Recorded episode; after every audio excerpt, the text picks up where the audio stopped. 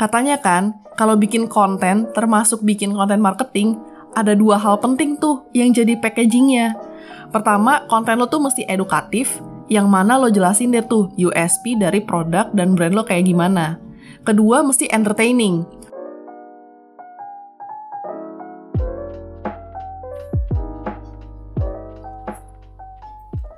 Halo, selamat datang di podcast Ngomongin Bisnis by Melon Branding bareng gue Rai. Kalau lo lagi mau belajar nih tentang bisnis, marketing, advertising, dan juga branding, khususnya di dunia digital, pas banget lah lo main ke podcast ini. Udah banyak banget deh yang kita bahas di podcast ini kayak tips branding, branding positioning, brand archetype, sampai bahas jurus horor buat guide pelanggan, udah pernah tuh kita kulik. Kalau kepo, abis episode ini lo dengerin deh episode-episode kita yang udah tayang kemarin-kemarin. Menjelang akhir tahun ada baiknya nih kita bahas THR. No, bukan itu ya. Walaupun emang ada nih yang dapat THR di akhir tahun ini. Apa bahas lembur akhir tahun nih? Itu tanggung jawab pekerjaan dong ya. Nah, gue bakalan bahas salah satu trik marketing yang dilakuin orang-orang. Katanya kan, kalau bikin konten, termasuk bikin konten marketing, ada dua hal penting tuh yang jadi packagingnya. Pertama, konten lo tuh mesti edukatif, yang mana lo jelasin deh tuh USP dari produk dan brand lo kayak gimana. Kedua, mesti entertaining. Mau itu fotonya yang bagus, videonya yang kece, artisnya yang cakep, bahkan mungkin kontennya yang bikin ngakak, itu semua adalah komponen dari entertaining. Dua poin tadi tuh yang bikin konten lo jadi shareable di media sosial. Kalau dirasa penting di-share, kalau dirasa kocak banget dah nih konten, apalagi kalau relate sama kejadian sehari-hari, udah pastilah di-share. Berarti humor bisa dijadiin strategi dong nih. Gue jawab nih pakai caps lock jebol terus di bold. Bisa banget. Sebenarnya humor itu bisa dibuat jadi bagian strategi konten gitu. Konten kan ada banyak banget. Lo bisa pakai cara ini biar orang tuh terguling-guling ngakak lah. At least konten brand lo tuh bisa jadi menghibur hati yang lara gitu. Mungkin hatinya lagi sakit karena baru putus, hatinya panas karena ngerasa hidup kok gini-gini amat sih ketika lo bisa jadi entertainer buat audiens lo, paling nggak tuh mereka notice lah sama brand lo. Kalau konten humor lo itu ngeluarin produk, bisa jadi nih malah banyak yang beli, terus dijadiin konten sandingan di TikTok atau Instagram pribadi mereka. Makin viral deh brand lo. Humor atau jokes ini juga mirip nih sama strategi marketing hantu-hantuan yang kayak gue bahas di bulan Oktober kemarin. Karena unik, strategi ini bisa menarik emosi audiens dan bikin mereka lebih pay attention sama brand atau produk lo.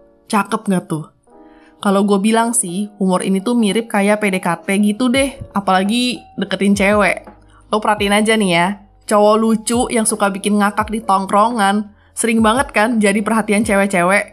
Pokoknya kalau ada mereka bawaannya hidup lo tuh seru, penuh canda dan tawa gitu. Ya, gue juga ngerasain hal yang sama juga ya. Karena kan gue cewek gitu. Kalau misalnya ada cowok istilahnya ngebadut lah di tongkrongan, ya asik aja, seru aja gitu kalau ada dia. Nah, lo bikin deh posisi brand lo tuh kayak gitu. Tapi nih, ada tapinya ya. Jangan sampai salah jokes. Mirip kayak lo ngejokes ke temen lo lah. Dari lo bercanda, ternyata temen lo baper, ya amsyong deh tuh pertemanan lo. Atau lo ngejokes tapi temen tongkrongan lo nggak ngerti jokes lo, ya jadi krik-krik gitu. Nah, ini juga mirip sama bikin strategi konten yang model humor kayak gini sebelum bikin jokes lu survei dulu lah ini dark jokes, jokes yang bisa diterima audiens lo atau nggak sama sekali nih.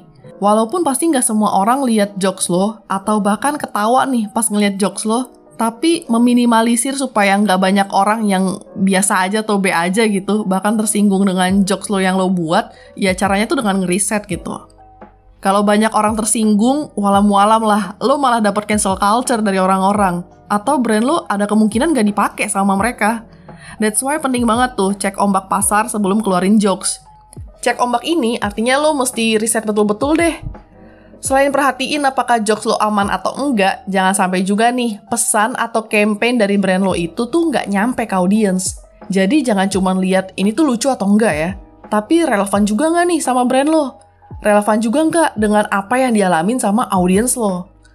Bikin strategi marketing humor gini malah bikin berangan-angan keren nih ketika lo ngejokes lewat strategi marketing, bisa jadi ya, lo bikin tren baru di masyarakat.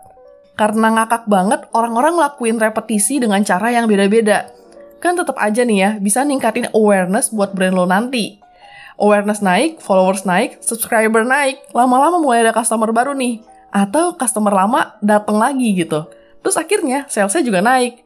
Kalau kayak gini kan lo juga nih yang happy. From funny to money and make me happy. Yeah. Mirip kayak headline salah satu postingan Melon Branding di Instagram tuh. Tapi gue nambahin happy-nya aja. Nah, lo tuh nggak cuman bisa belajar bisnis, marketing, branding, advertising tuh di podcast ini aja loh. Ada juga Instagram kita at Melon Branding, di mana lo mesti follow dan kita bakalan belajar bareng-bareng di sana lewat visual-visualnya. Kalau lo mau artikel yang agak panjangan, kita juga ada nih, lo bisa main ke website kita di www.melonbranding.com.